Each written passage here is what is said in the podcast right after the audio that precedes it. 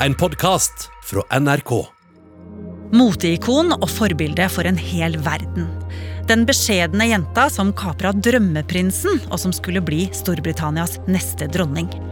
Og nå, 23 år etter hennes død, får vi et gjensyn med legenden prinsesse Diana i den populære Netflix-serien The Crown. Og dette har på nytt gitt en hel verden skikkelig Diana-feber. Men hvem var hun egentlig? Og hva er det med historien hennes som fortsetter å fascinere sånn?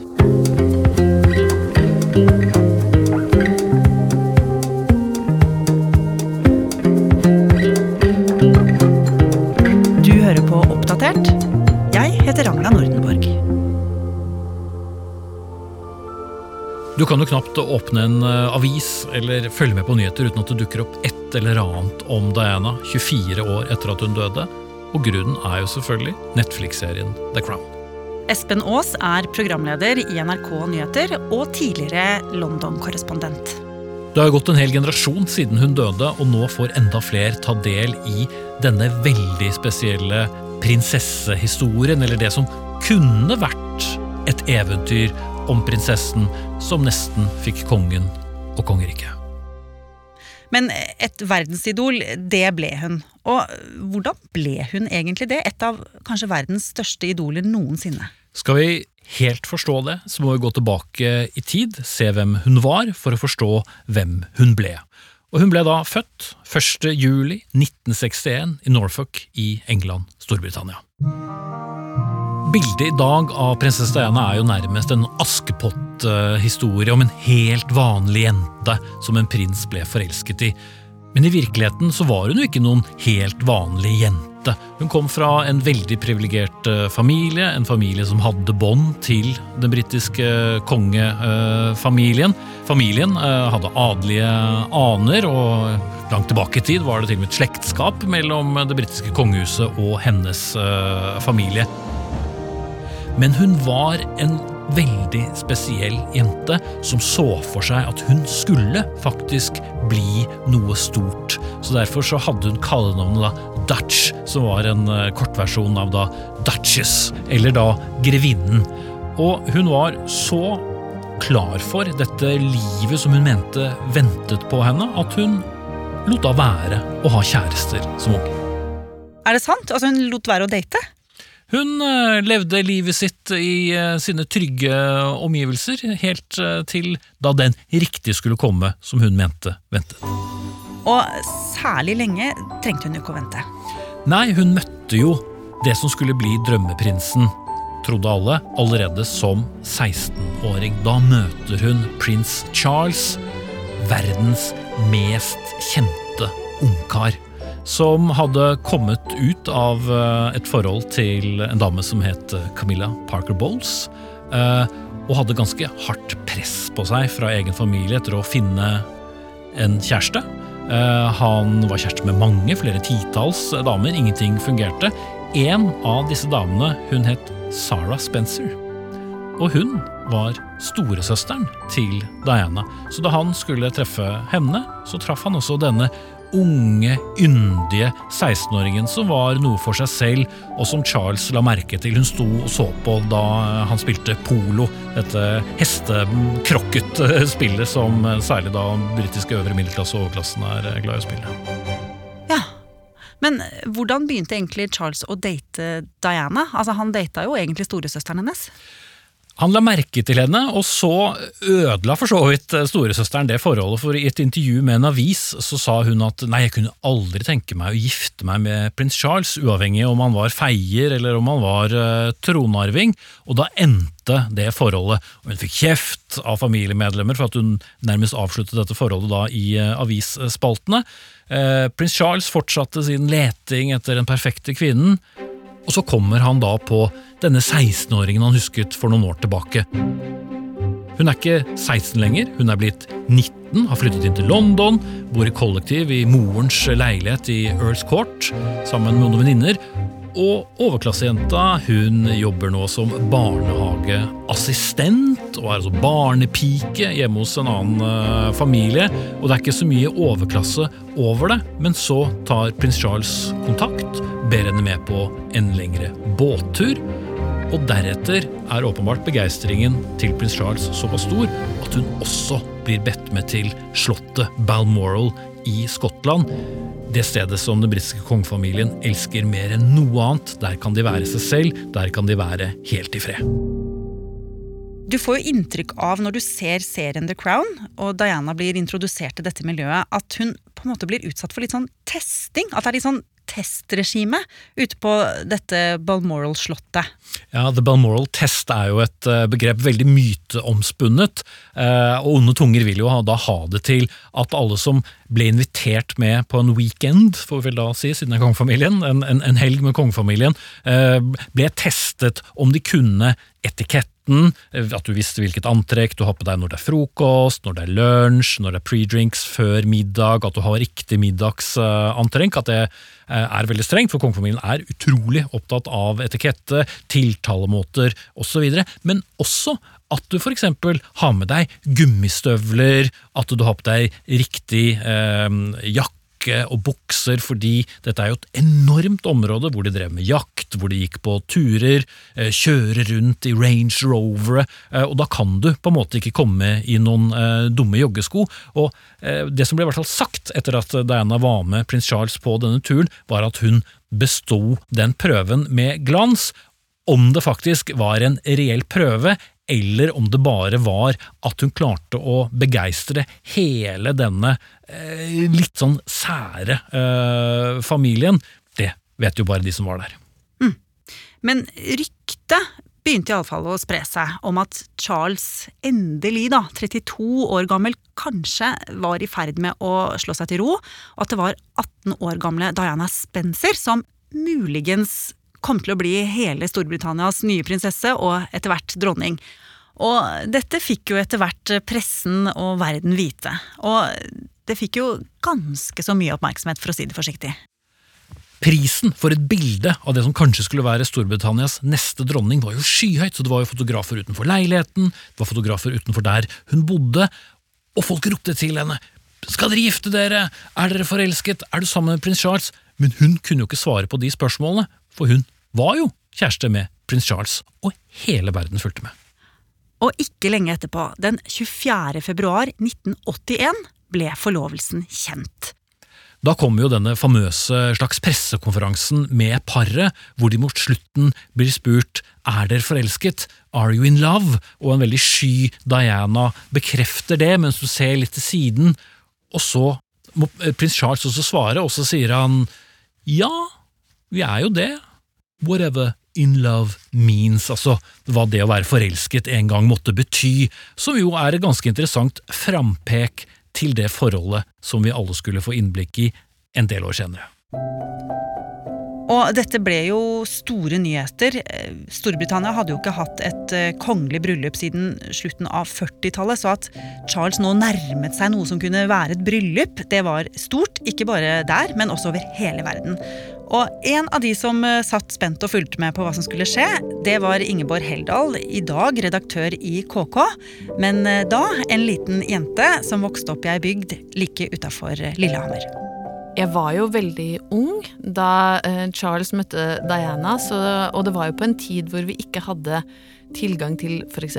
internett, så jeg måtte jo klare meg med Rikskringkastingen og diverse kulørt presse.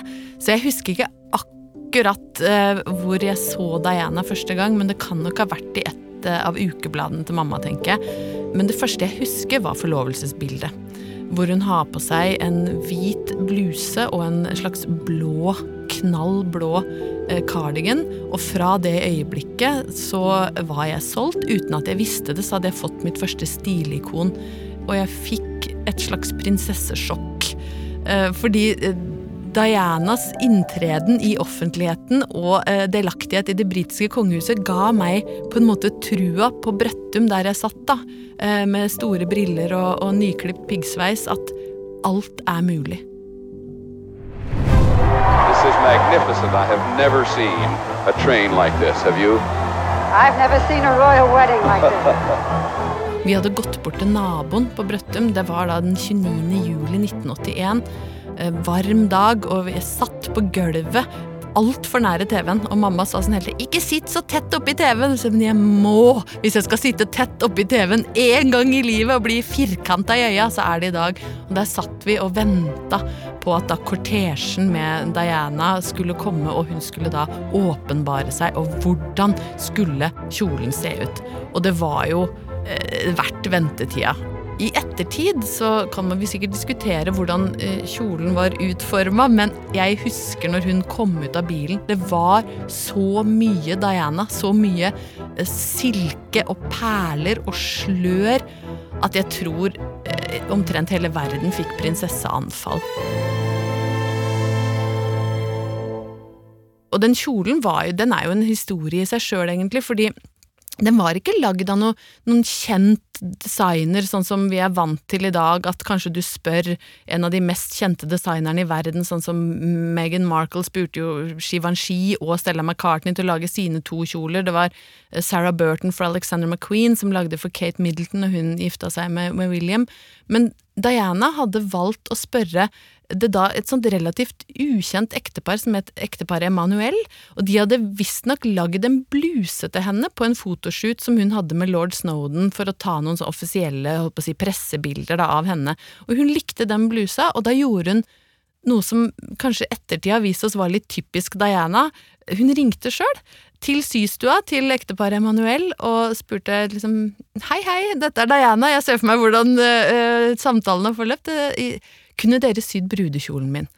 Eh, og hun var visstnok veldig involvert i prosessen. Hun var inne og gjorde alle prøvene, og ekteparet må jo De har jo beskrevet situasjonen som smått surrealistisk, sant? når den kommende prinsessen av Wales ringer til systua deres og vil ha lagd opp kanskje århundrets viktigste brudekjole. Og det resulterte da i den enorme bløtkakekjolen hvor det ikke er spart på noen ting. Der er det altså blondekrager, paljetter, perler, puffermer, lag på lag på lag på lag, og visstnok til dags dato det lengste kongelige slepet noensinne, på nesten åtte meter. Mm. Og det var så mye Diana at de faktisk eh, sleit med å finne transport som kunne funke til kirka, og ryktene sier da, det, nå var jo ikke jeg til stede, men at kjolen fremdeles var litt skrukket klokkete idet hun da går ut eh, foran eh, St. Paul's Cathedral eh, og skal gå opp til kirkeinngangen, at det var litt skrukk i skjørtet, fordi de klarte rett og slett ikke å finne noe egnet transportmiddel som hadde plass til hele kjolen. Men da gikk det altså et unisont sukk gjennom verden. Det satt 750 millioner mennesker sammen med meg på gulvet på Brøttum den dagen og så på den kjolen med store øyne og nesten sånn Jeg tror sikkert omtrent jeg hadde tårer i øya, for jeg syntes det var så vakkert. Og så kan jo jeg si i ettertid at når jeg ser på den kjolen nå, så, så, er det kanskje ikke den vakreste brudekjolen jeg har sett, men det er til dags dato fremdeles en av de aller mest kopierte. Etter bryllupet så endra Diana gradvis stil, fordi før hun gifta seg med Charles, så var hun veldig sånn ungpikeaktig, litt sånn gammelmodig i stilen nesten. Og hun, hun påvirka jo folk da også. På danseskoler verden rundt så var det både én og to og tre Diana-bluser å se. Og Diana tok med seg puffermene, asymmetrisk utringing, bar skulder, skinn som var sånn litt skinnende og stivt i stoffet, eh, fløyel, og kombinerte det med kronjuveler, hatter med sånn lite slør nedover ansiktet. og husk på at vi hadde jo ikke eh, så mange steder å hente inspirasjon fra den gangen, bortsett fra ukeblader. Så når Diana da liksom trår ut der og viser hvor glamorøst du kan kle deg som kvinne, så, så skapte det helt utrolig gjenklang. Og jeg tror mange med meg fikk mødrene våre til å sy kjoler på bestilling fordi vi ville eh, ligne på Diana. Og populariteten til Diana fortsatte jo bare å vokse. Ikke bare var hun blitt et verdensidol, men hun var jo også gift med Storbritannias neste konge. Og det ble jo beskrevet dette her som et uh, fantastisk eventyr. Ja, og alt var jo et eventyr. De får jo ikke bare én tronarving, men de får en til. Prins William og prins Harry ble født. Vi har da en kongelig kjernefamilie så lenge det varte. For på slutten av 80-tallet i 1987 så begynner det å svirre rykter om at ikke alt er som det skal være. Vi hører om intriger innad i familien. Vi hører rykter om utroskap, ikke bare med prins Charles, men også at uh, prinsesse Diana har affærer, og at de to ikke har noe godt sammen, og at heller ikke hun har det noe godt med seg selv det tok ikke så veldig lang tid før selv en som var relativt liten, som jeg var, kanskje forsto at dette glansbildet hadde en, en, bakside. Eh, for meg personlig så husker jeg begynte å legge merke til at eh, de sto så fravendt på mange bilder. Hun har et veldig transparent fjes, eh, og, og særlig i ettertid, når jeg ser på bilder, så syns det jo fra fly at det er ikke en lykkelig prinsesse. Eh, hun så trist ut eh, i fjeset og sto ofte bortvendt fra Charles. Han så misfornøyd ut. og tenkte at sånn ser du ikke ut hvis du er kjempeforelska og har det veldig bra. Og så begynte ryktene å gå om at Diana hadde en spiseforstyrrelse. Hun har slitt med spiseforstyrrelser helt siden hun kom inn i den britiske kongefamilien. Man ser at hun er tynn, eh, at hun ser nervøs ut. Hun har det ikke bra. Og når de er ute på oppdrag sammen, prins Charles og prinsesse Diana, så ser de ikke på hverandre. Det virker som de unngår eh, hverandre, og de bor heller ikke sammen store deler av tiden. Den egentlige historien var jo at, i hvert fall sånn som den blir, blir framstilt, og som egentlig vel det ble innrømt både fra Charles og Diana etter hvert, at de Charles ønska aldri å gifte seg med Diana. Det var familien hans som ville ha denne unge, prektige, dydige prinsessen, og, og bildet av henne passa perfekt inn i hvordan kongefamilien så for seg at det skulle være. Den Charles elska, var den litt rufsete, eh, sigarettrøykende, champagnedrikkende, morsomme Camilla Parker Bowles, som jo var gift med en annen mann. Og hvorfor var hun det? Nei, altså i The Crown så fremstiller de det som om at det var et ekteskap arrangert av lord Mountbatten, som jo var en slektning av kongehuset og en veldig nær, nærmest farsfigur eh, for eh, Charles. Muligens for å holde de to unna hverandre. Sånne ting blir jo litt spekulasjoner, da, men det var de, hun ble ikke regna som et passende parti for den kommende monarken av Storbritannia. Eh, og da fikk det så være at de to elska hverandre så høyt at han nærmest trygler om å slippe å gifte seg med Diana. Det er jo en ganske sterk scene i The Crown. Nå vet vi jo ikke om det var akkurat sånn det foregikk, men de skildrer det i som at Charles står og gråter før han skal gifte seg, og at hans mor er litt sånn ja ja, ta deg sammen. Rett ryggen og tenk på hvilken arverekke det er du følger nå, liksom. Dette er jobben din, det kommer til å ordne seg. Eh, og så går han da eh, inn i kirka og står og venter på sin brud eh, mens hele verden holder pusten, så er kanskje da Charles verdens mest ulykkelige mann, og vet kanskje også innerst inne at han går inn i noe han aldri kommer til å klare å gjennomføre. Og det endte jo egentlig med tragedie for begge to i dette da kjærlighetsløse ekteskapet som jeg faktisk tror Charles ønska seg ut av fra dag én, og som Diana på sin måte nok prøvde å få til å henge i hop, men det var liksom som om alt, de, alt hun gjorde for å uh, få Charles til å bli forelska i henne eller å bli fornøyd i ekteskapet, slo feil ut. For eksempel så er det jo den litt ikoniske scena som også blir skildra i The Crown, hvor hun danser for Charles i en sånn juleforestilling i operaen, hvor hun har fått med seg en, eller er det teater i Covent Garden, og fått med seg en kjent ballettdanser, og så danser hun til Uptown Girl av Billy Joel for å gjøre han glad, og hele teateret reiser seg, hun får stående ovasjoner, og Charles er så sint at han fråder, for han mener at hun er barnslig og bare vil ha oppmerksomheten, og at hun latterliggjør latterliggjør han. Så de, de forstår ikke hverandre. Men allikevel fortsetter de å være gift i mange år. Men så, i desember 1992, elleve år etter at de gifta seg, smeller bomben. It is announced from Buckingham Palace that with regret the Prince and Princess of Wales have decided to separate. Statsminister John Major går på talerstolen i parlamentet og forteller at Charles og Diana skal separeres. Og at de faktisk skulle gå fra hverandre på ordentlig, det skapte sjokkbølger i samfunnet. Og nyheten om at de skulle separeres, ble starten på en av de verste offentlige skittentøyvaskene vi noen gang har sett.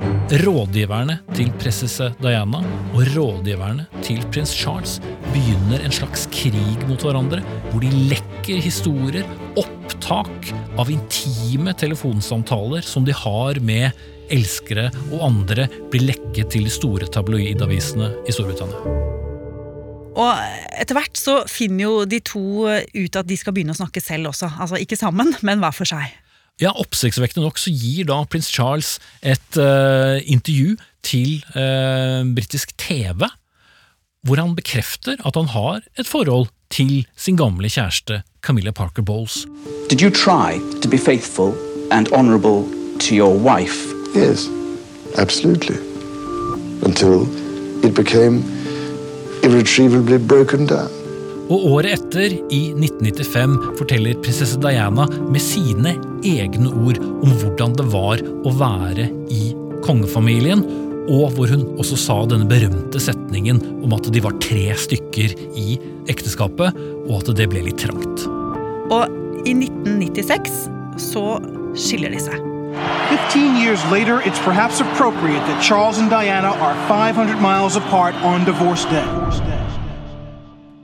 Jeg bodde i London på den tiden selv, og, og hele denne skilsmissen og alt skittentøyet var jo å finne på forsiden av avisene hele tiden. De fortsatte å sverte hverandre gjennom rådgivere, og det var et bittert, bittert oppgjør for hvilken tittel tittel skulle prinsesse Diana ha. Hun skulle jo ikke lenger bli omtalt som hennes kongelige høyhet. Hun fikk lov til å fortsatt hete prinsesse Diana. Hun fikk bo i en leilighet i Nordre Fløy i Kensington Palace, dette enorme palasset som ligger eh, midt uh, i, i London. Og hun fikk med seg ganske mye verdier i form av penger, og skulle også få en viss pengesum hvert år. Så hun var både en del av kongefamilien, men samtidig ikke. Men hun var jo moren til en tronarving. Altså Utenfra så ser det ut som Diana bestemte seg etter skilsmissen for å leve sitt liv. Langt unna eh, trange bur og, og, regler og normer, men rett og slett et liv bestående av de valgene hun hadde lyst til å gjøre. Ikke lenger Eh, med kongelig etikette som en sånn tvangstrøye, eller en dronning som egentlig aldri hadde tid til å snakke med henne, som bare er der som en sånn skygge av moralsk indignasjon som hang over henne. Endelig så kan liksom Diana senke skuldrene og slippe å ta hensyn til det, og det gjør hun virkelig ikke. Blant annet tok det ikke lang tid før Diana prøvde å finne kjærligheten igjen. Og det fikk jo også alle med seg, fordi det ble tipset, og det ble lekket. Hun hadde angivelig et veldig fantastisk forhold til en pakistansk-britisk hjertekirurg. Men senere så møtte hun jo da Dodi al-Fayed, sønnen til han som eide luksusvarehuset Harrods. Og det kan jo tyde på, i hvert fall ut fra bilder, at Diana ble introdusert til et enda mer luksuriøst og glamorøst liv med ham. Ja, Dette var jo et jetset-liv. Eh, det ble jo tatt eh, bilder eh, av dette paret da med telelinser på en yacht, hvor de holder rundt hverandre, hun i bikini, han i en badebukse. Men dette var jo kontroversielt, og angivelig selv hennes mor skulle vært veldig kritisk til at hun kanskje skulle gifte seg med en som var muslim. Nettopp, så han var framand og var heller ikke da en riktig riking. Nei, og fordi faren hans var jo veldig kontroversiell. Eh, han hadde jo betalt politikere for å stille spørsmål i parlamentet. Eh, formuen til familien var det stilt mange spørsmål om. Eh, så dette var jo en kjæreste som ikke nødvendigvis huset Windsor syntes var noe bra. Men folket og verden fortsatte å elske Diana. Men så skjedde det noe som skulle sende en hel verden inn i sorg. Ja, Dette var jo sommeren 1997. Jeg var hjemme på norgesferie for første gang på ett år. Og jeg husker faren min kom ned på rommet der jeg lå og sov, og så sa han nå har de drept Diana. Hva var det som hadde skjedd? Prinsesse Diana og hennes kjæreste Doddy de var i Paris, de hadde vært på en restaurant og spist. Men ikke sant, interessen var så enorm, så fullt av fotografer på utsiden. Til slutt så velger de å rømme ut bakveien fra denne restauranten. De får sjåføren til å kjøre bilen rundt, de setter seg i bilen og prøver å stikke av. Men paparazzi-fotografene kommer på motorsykler og forfølger dem gjennom gatene i Paris. Og for enhver som har forsøkt å kjøre bil i Paris, vet at det er ikke lett. Ned i en tunnel med blitslamper og pressefotografer på motorsykler på slep, så mister sjåføren kontrollen over bilen, krasjer i tunnelen. De blir hardt skadet, og som vi vet, så dør jo det unge paret. Prinsesse Diana ble drept i en bilulykke i Paris i morges. Også hennes nære venn Dodi Al-Fayed og deres sjåfør omkom i ulykken. Storbritannia er i sorg, og det er kommet reaksjoner fra hele verden. Og det var helt Altså, det var ikke, det var ikke til å tru. Det var som om liksom jeg, jeg stoppa å puste et lite øyeblikk, fordi et menneske som du da har opphøyd i så mange år av livet ditt, blir jo udødelig for deg. Tenker, altså, Diana skal jo ikke dø i noe så hverdagslig som en bilulykke. I en tunnel under Paris. Altså, det, det er ikke et dødsfall som er Diana verdig. Så det var, og da ble vi jo sittende. Og, eller vi, det var jo jeg, da, som var Jeg skal ikke dra noen andre med i det, men da, da hadde vi jo først og fremst TV. Få på nyhetssendingene, få på radio, få på TV, få mer nyheter. Og det gikk så mye rykter rundt ulykken og dødsfallet om sjåføren hadde promille, om hun levde da, da redningsmannskapet kom på plass, det, hadde hun noen siste ord, hva hadde hun på seg, det lekka ut bilder fra ulykkesstedet, og, og det, var, det var liksom et umettelig informasjonsbehov, og det begynte å versere konspirasjonsteorier om at dronningen hadde fått Diana drept, at det var hemmelige agenter som hadde eh, latt som de var paparazzi-fotografer og jagd henne inn i døden i den tunnelen, og det, det ble Det var så stort og dramatisk, og det var vel omtrent like mange som fulgte med da, som da hun gifta seg med Charles i 81. Det var en utrolig tragisk og dramatisk utgang på hennes liv. Mm.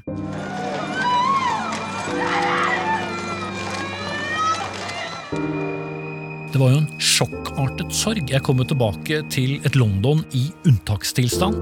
Statsminister Tony Blair var raskt ute og brukte da for første gang ordene at hun var folkets prinsesse.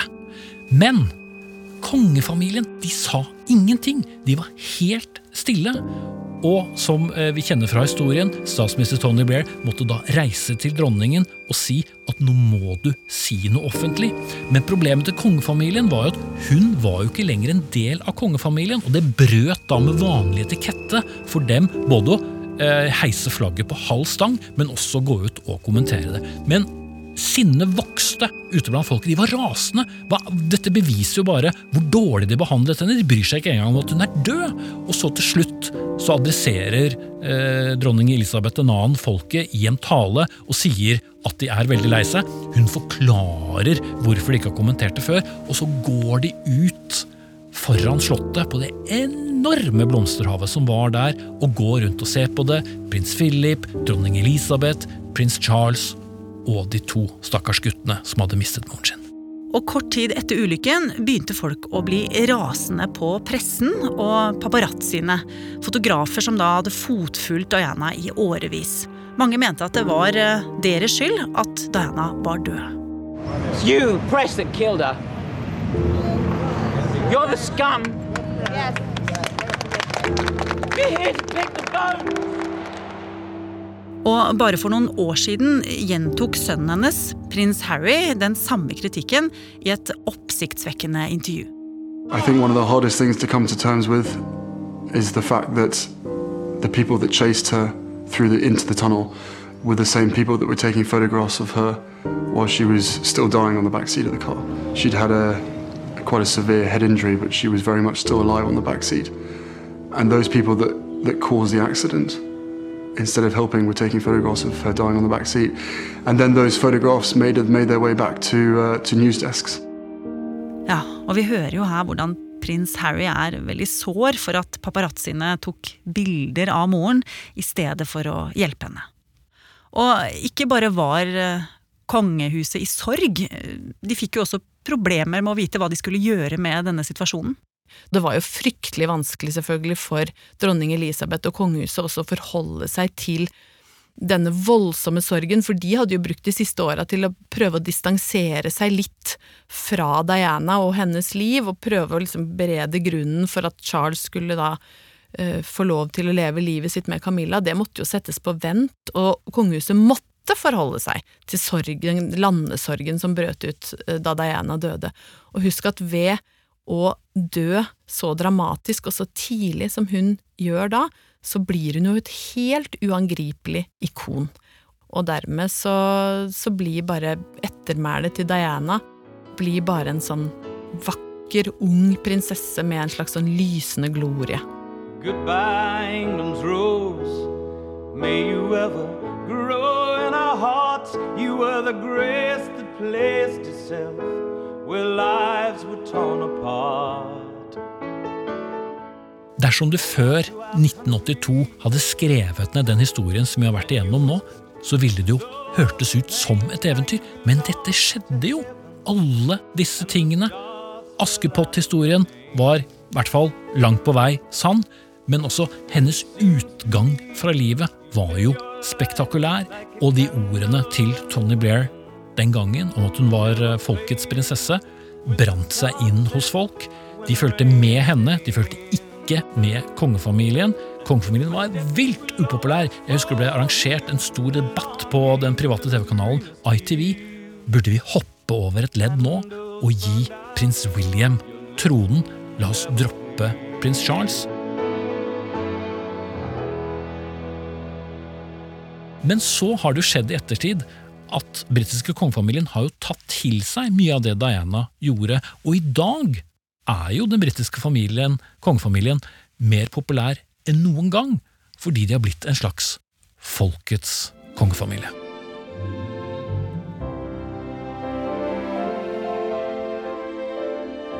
Hvis jeg skal sammenligne Diana med andre ikoner, og det er jo mange, så vil jeg faktisk gå så langt som å påstå at hun er helt unik. Det er ingen andre kongelige i verden som kan måle seg med Diana. Og hun påvirker jo den dag i dag, og det har jo blitt veldig eh, forsterka av at det nå har kommet til den sesongen i The Crown som omhandler Diana, så fortsetter jo hun å være et stilikon som påvirker gjennom liksom, valg av kjoler, vesker, farger. Eneste som jeg ikke har sett tilbake i motebildet, det er frisyren hennes. Men ingenting vil overraske meg, så det kan hende at folk begynner å klippe håret sitt litt sånn tjukt kort og fønbørste det bakover inn i 2021.